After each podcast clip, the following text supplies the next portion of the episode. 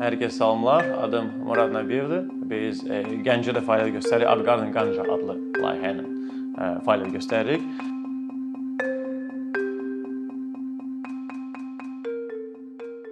E, layihəmiz oktyabrda başlamışdı. Yəni son versiyası oktyabrda başlamışdı və təqdimat zamanı mən balaca bir video çarx elədim. E, qonaqlara, yəni izləyicilərə belə bir mesaj e, yönəltdim ki, bəs bu cür layihələri açmaq regionlarda asandır. E, sizə yalnız balaca bir e, məkanı arendaya götürmək kifayətdir və həm bir çaynik qırağa qoymaq, bir, bir neçə şokolad alıb qoymaq kifayətdir ki, insanlar toplansın, söhbət eləsiniz, şəbəkə yaransın müəyyən şəkildə. Sonra gördüm ki, yox, o qədər də asan deyil bu. Gördüm ki, müəyyən çətinlikləri var, amma eyni zamanda bu mümkün bir şeydir və hətta artıq e, layihə gözünün qabağında reallaşanda bu şəbəkə yığılanda e, sənə motivasiya verərsən davamlı şəkildə e, bütün çətinliklərə o çətinliklər olmadan olmasına baxmayaraq sən davam edirsən buna.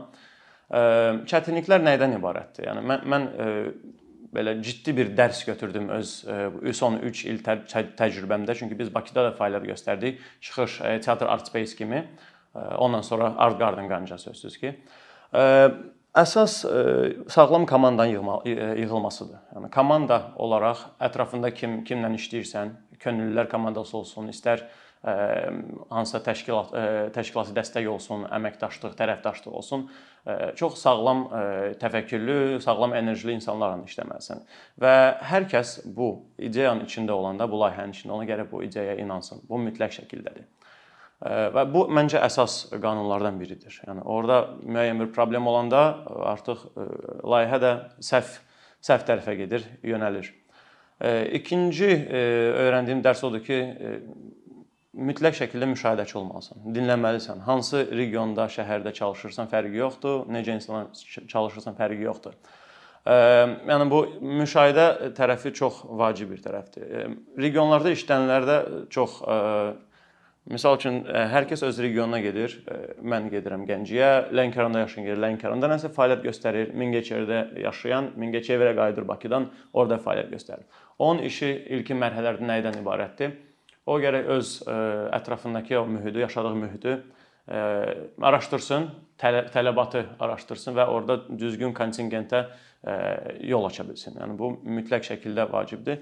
Daha bir vacib faktorlardan biri odur ki, o xırda maneələrdən qorxmayasan. Çünki mən dostlarla, tanışlarla hər dəfə danışanda kimsə hansısa bir iş quranda bu çox olub. Yəni son 10-15 il ərzində mən Azərbaycanda yaşayan dostlarla həmişə ünsiyyətdə oluram. Deyirəm bəs Nəyə görə öz işinizi qurmursunuz, öz hansısa bir bəlkə maraq dairənizə daha yaxınlaşmırsınız, standart monoton işlərlə məşğulsunuz. Deyir ki, çətinliklər var, bir çox çətinliklər var. Həm e, həm e, maddi tərəfdən çətinliklərdir. Bu kommunaldır, arendadır, vergidir, bu cür şeylərdən də e, bəzi maneələr olur ki, insanlar gəlir ki, hə, birdən açaram, nəsə sonra problem olar, kimsə gəlib nəsə deyər və ya kifayət qədər dəstək olmaz və ya qatılanlar olmaz. Bunlar hamısı olur. Amma məncə bunlar insanı dayandırmamalıdır müəyyən bir e, şeyə görə. Mən ümumi motivasion speaker kimi danışmaq istəmirəm qəti şəkildə, amma məhz regionlarda işləyirsənsə, bunları gərək qəbul edəsən və biləsən ki, müəyyən bir problemlik e, problemlər olacaq. Çünki bu yenilikdir. Regionda çox adamlar e, bu cür layihələrə öyrəşməyib. Bu cür layihə deyərkən nəyi nəzərdə tuturam? Art Garden Qanca İncəsənət Dərnəyi kimi başlamışdı 2 il əvvəl. Balaca bir podvalımız var idi. Orada biz başladıq təlimlərə, master-klasslara. Təxminə Əlizadə adlı rəssam dostumuzla bir neçə dəfə təlimlər keçirdik orada. Poeziya aid kitablar, kitablar təqdimatı keçirdik və nəhayət ki, canlı musiqi nümayiş etdirdik bir gün və gördük ki, həmin bu canlı musiqiyə 20-dən 30-dan çox adam qoşulur. Halbuki yer çox balaca yer idi. Hardasa bəlkə 15 kvadratlıq, 20 kvadratlıq bir zirzəmi idi, yeraltı idi. Biz gördük ki, tələbat var. Adamlar gəlir, maraqlanır, hətta pilləkənlərdə belə otururlar ki, bəs dinləyək də bu musiqini. Underground bir yer hardasa peyda olunubdu. Gördük ki, tələbat var, qeydə aldıq. Dedik ki, okey, artıq yeni yer axtarmaq lazımdır. Bu ilk yer zirzəmi çox əslində ucuz bizə başa gəlmişdi. Mənim dostum var Gəncədə, onun obyekti idi onu harasa 70 manata, 100 manata aylıq götürdük. Bakıdan bu nağıl qiyməti mümkün deyil ki, sən 100 manat obyekt tapasan. Biz artıq biz amma orada tapmışdıq. Ondan sonra köçdü nisbətən böyük obyektə. Orada artıq 3 dənə otaq var idi və mətbəx var idi. Orada ideya gəldi ki, okey, mətbəx varsa, əslində bu ideya məndə çıtam qabaqdan var idi, sadəcə şərait yox idi. Mətbəx varsa gəlin burada həm incəsənət dərnəyi eləyək, sərgi zalı olsun, təlim keçirmək üçün şərait olsun və eyni zamanda kafeteriyamız olsun. Balaca kafe harda ki biz çay, kofe verəcəyik, müəyyən bir deyək ki, sneklər insanlara təqdim eləyəcəyik, satacağıq və həmin bu əldə etdiyimiz gəlirlə biz öz biznesimizi, öz layihəmizi dayanıqlı saxlayacağıq. Bu layihə, bu ideya bizdə var idi, amma bunu hələ tətbiq etməmişdik. Biz başladıq. İlk öncə başladıq adi çayla, kofe ilə. Gördük ki, insanlar gəlir, təlimlərə insanlar cəlb olunur, amma yenə də o qədər effektiv deyildi. Öyrənirdik. Komanda bölgüsü, düzgün komanda bölgüsündən başladıq. Kim nə ilə məşğul olur? Çünki mən qabaqlar çox ora-bura qaçırdım. Həm kafe ilə məşğul olurdum, məsəl üçün, həm təlimlərlə, event managementlə məşğul olurdum məkana gələn qonaqlarla qonaqlar tur eləyirdim ki, bu məkan nədən ibarətdir. Ondan sonra gənc kadrlar axtardıq biz Gəncədə. Musiqiçi kadrlar, rəssamlar, yazarlar. Buna hə, hədsiz dərəcədə çox vaxt, zaman sərf edirdim və o zaman komandamız çox balaca idi. Get-gedə komandaya qoşuldular adamlar. Kafe hissəsini e, kimsə öz əlinə götürdü. Kimsə dedi ki, dostumuz Kəpəz öz əlinə götürdü kafe hissəsini. Dedi ki, "Okay, mən həvəsim var, marağım var bu kafe industriyasında. Mən buna məşğul olacağam." Ondan sonra digər dostumuz Musa maddi tərəflərlə məşğul olacaq. Dedi ki, mən buğalteram, mən bilirəm bu işləri. Tam o onu öz işinə götürdü. Komandaya qoşuldu Aytən, daha bir neçə nəfər və gördüm ki, artıq nəsə formalaşır. Orda strikt möhkəm bir konsept var idi və konsepti hardasa təqdim eləyə bildik və insanlar inandı bizə. Biz bu inamı qazandıq. Məncə bu əsas bir şeydir və mən həmişə çalışıram ki, öz komanda yoldaşlarımdan maksimum dərəcədə e, şəffaf, şəffaf olum və inanıram ki, onlar da məndən qarşılıqlıdır. Və bu şəffaflıq üzərində qurulur əslində. İnsani faktorlar çox önəmli, önəmli tərəfidir e, bu bu layihələrdə. Çünki sənin məqsədin də elə zaten necə deyim, insanlarla ünsiyyətdir. Sağlam şəbəkə qurmaqdır. Çünki qeyri-sağlam şəbəkə onsuz da var, çoxdur. Yəni o problemlər, o mənfi tərəf şəhərdə çoxdur. Yəni mən bilən bu mən nə qınamıram, nə də ki, kritik eləmirəm. Bu müəyyən formada reallıqdır. Bilmirəm nəyidən doğru gəlibdi, amma bu gəlib və şəhərdə çoxlu o neqativ aura var idi. İnsanlar da bir-birindən çox belə çəkinirdi, izolyasiya var idi, distansiya var idi. Amma bu bizə qorxut qorxutmadı. Biz davam elədik. Artıq dediyim kimi kafe özünə görə fəaliyyət göstərdi, tədbirlər baş verirdi.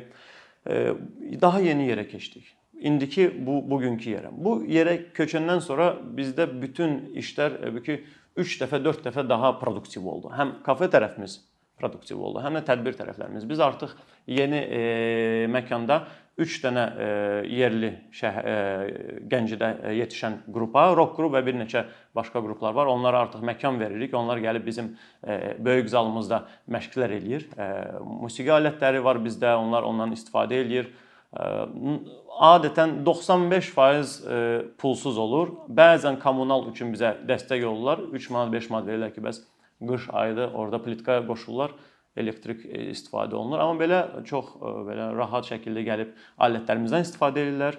Ondan sonra kitab oxu zalımız var. E, yerli gənclər gəlir orada asudə vaxtlarını sağlam şəkildə keçirə bilir, kitablar oxuyur, kitab təqdimatları olur. Teatr olmuşdu, teatr tamaşaları olmuşdu. Hətta Bakıdan da məşhur teatrçılar gəlmişdi, dəstək olmuşdu bizə həftə ərzində 3-4-ə yaxın təlimlər keçir. Yəni Gəncədə bu alternativ yer olmadığı üçün bir tərəfdən çox fokus bizim məkana güclüdür. Və eyni zamanda mən inanıram ki, bizim etdiyimiz iş faydalı işdir. Çünki bizim etdiyimiz işdə əsas məkandır. Qalan işi gənclərin özləri görür. Çox kreativ, çox güclü potensiallı gənclər gəlir öz sadəcə məharətini, öz bacarıqlarını bu məkanda reallaşdırır. Yəni dediyim kimi əvvəli o bir dənə məkan götürün, o çay kofesi olsun, bir də internet olsun. Hardasa elə budur. Yəni insanlara nə lazımdır? İnsanlara məkan lazımdır. Rahat məkan. Toplansınlar, müzakirə eləsinlər, nəsə rəngləsinlər, nəsə hansı gitar nəsə ifa eləsinlər. Burdan başlayır o sağlam şəbəkə. Və eyni zamanda da ki, o kafe hissəsi bizim bu gün mən bir post yazmışdım Instagram. Dedim ki, kafe kafemiz bizim oksigenimizdir. Biz kafedən aldığımız təbii ki, o maddi xeyir, yəni hər kəs kim ki kofedən kafedən bir dənə bir çaşka çay alır, o artıq bizim biznesimizin, bizim layihəmizin və bütün o yaradıcılığımızın davamlı, dayanıqlı olmasını dəstəkləyir. Yəni bu artıq biri-birindən asılı bir şeydir. Və insanlar bunu dərk eləyir. Gözəl hissəsi də ordadır ki, ora gələn qonaqlar, şəhər sakinləridir, gənclərdir, valideynlərdir, hansı göz uşaqlarını gətirir. Onu bunlar onu dərk eləyir. Əvvəlcə problem var idi. Əvvəlcə insanlar gəlirdi, çox otururdu və e, kömək elirdilər düzdür. Mən qınamaq istəmirəm, sadəcə bu konsept hələ oturuşmamışdı. Sonra biz onlara çatdırdıq ki, bəs çox gözəl ki gəlirsiniz, amma siz hətta orada 20-30 qəpik versəz, bu bizim dayanıqlı qalmamıza e, dəstəkdir. Və biz buna görə də davamlı şəkildə pulsuz təlimlər keçirə bilərik. Bu platformanı musiqiçilər üçün e, və rəssamlar üçün, kreativ adamlar üçün yarada bilərik e, və bu artıq işləyir. Dairəvi bir sistem yaranıbdır. Ondan sonra mən çox vacib bir hissəsini əlavə eləmək istərdim. Komanda daxili ideyalar mütləq dinlənilməlidir. Çünki mənim hal-hazırdakı bu indiki layihədə, bu bizim indiki layihədə 50%-dan çox ideyalar elə komanda daxili gəlir, məndən yox. Komanda daxili gəlir, kimsə nəsə təklif eləyir. Hal-hazırda emalatxana layihəsini işləyirik İsmaillə. O emalatxana ilə məşğuldur bizdə, texnika ilə. Dünən də getdik maraqlı avadanlıqlar falan aldıq. İstəyirik ki, bizim 3D printer, CNC və digər texnologiyalarımız olsun ki, biz təlimlər keçə bilək. Məktəblərə, universitetdən adamlar gəlib istifadə edə bilərlər. Özümüz də öyrənək eyni zamanda, bir-birimizdən öyrənək. Çünki bildiyimə görə Gəncədə o qədər də hələ şərait yoxdur. Bəlkə də texnologiya var, amma biz bilmirik və əl çatmazdı bizə. Ona görə də düşünürük ki, uşaqlar üçün məktəb uşaqlar üçün bağçadan gələ bilər. Bizə 3D pənlər var, onları nəsə yaratmaq olar gəlib faydalana bilərlər və biz bu imkanı istəyirik ki, hər kəs görsün, bilsin, faydalansın. Ondan sonra maraqlı art terapiyalar keçirik. Hətta yoga təlimləri olur. Bakıdan yoqlar gəlir və maraqlı terapiyalar. Yenilikdir bu Gəncə üçün sözsüz ki, amma baş verir bu. Hər sahədə hansısa bir yeniliklər baş verir və bu fokuslanır art gardında. Amma yaxşı tərəfi ordadır ki, artıq art gardından xaric nəsə şəhərdə belə dəyişir. Bilmirəm o bizim bizə görədir, yoxsa bizə görə deyil, amma bir çox yeniliklər görürsən. Hətta insanların mən izləyirəm bizim followerların hətta postlarını görürəm ki, postları daha kreativ olubdu. Nəsə post edir, eyni şey, şeyi çəkirlər məsəl üçün daha maraqlı çəkirlər. Çünki biz özümüz bunu motivasiya edirik. Biz hətta motivasiya edirik ki, insanlar geyimlərdə biraz azad olsunlar, özlərini ifadə eləsinlər. Yəni Mən qara rəngə qəti qarşı deyiləm, amma hərdən görsən ki, insanlar ə, e, tam qara geyinir, çünki hər kəs qara geyinir monoton olaraq və yarmarkada və bazarlarda satılan budur, münasib qiymət. Ona görə bunu seçirlər. Amma biz ə, e, dəstəkləyirik ki, insanlar özləri nəsə yaratsın, hətta təkrar istifadə eləsin paltarları. Yəni ikinci əllərdən ala bilərlər ə, e, ki, təbiəti misal üçün qorusunlar plastikdən az istifadə eləsinlər. Biz bu cür şeyləri dəstəkləyirik öz e, sosial çarxlarımızda, hekayələrimizdə və istəyirik ki, gənclər hər tərəfdə biraz belə boksdan çıxsınlar, blokdan çıxsınlar. Həm şərait yaradırıq, həm də ki, eyni zamanda motivasiya verir ki, relax. Gəl başqa şeydə fokuslanaq. Geyimdə fokuslanmayaq, daha çox bir-birimizə qayğıda fokuslanaq, məsəl üçün diqqətimizə fokuslanaq. Qonşularla biz çalışırıq e, çox e, sağlam e, şəbəkə quraq. Bu çox vacib hissələrdən biridir. Yenə sağlam cəmiyyətə qaydırıq. Sağlam cəmiyyət üçün qonşularla, mühitlə, qohumlarla ünsiyyət sağlam isə düzgün isə çox vacib bir hissədir. Bizim bir qonşuların biri bizə çox dözübdür, çox səs-küymüzə dözüb sağ olsun.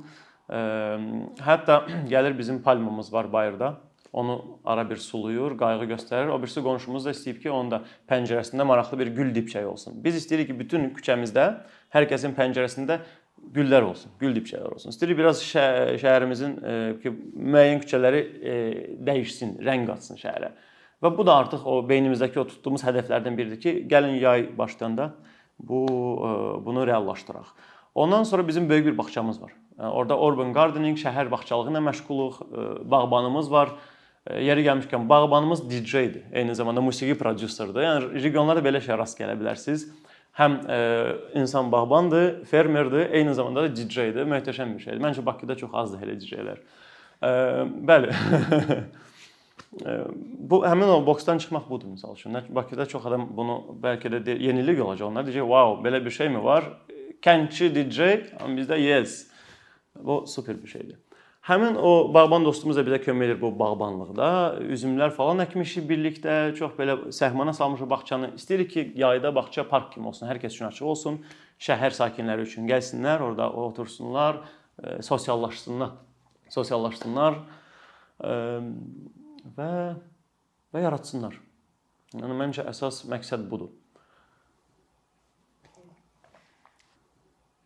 Yekun olaraq mən bir şey, daxildən bir şey qeyd etmək istirdim bizə izləyən dostlara, bizi izləyən insanlara ki, qayğıkeş olun. Bu ən əsas hissəsidir. Ətrafınıza qayğıkeş olun. Bir-birinizə qayğıkeş olun. Çiçəklərə belə, həm itlərə, pişiklərə, heyvanlara belə qayğıkeş olun. Çünki Qayğı olmasa qalan şeylər çox süni gəlir. E, həqiqətən mən öz təcrübəmdən bunu görmüşəm. Başqa yolu yoxdur. Bu müşahidəçi olmaq lazımdır. Qayğıkeş və bir-birimizi dinləmək lazımdır. Yəni bir-birimizi dinləməsək elə bil ki, yalnız öz fikrimizi e, deyirik, özümüz də eşidirik, özümüz özümüzü eşidirik. Başqa yolu yoxdur. Sağ olun.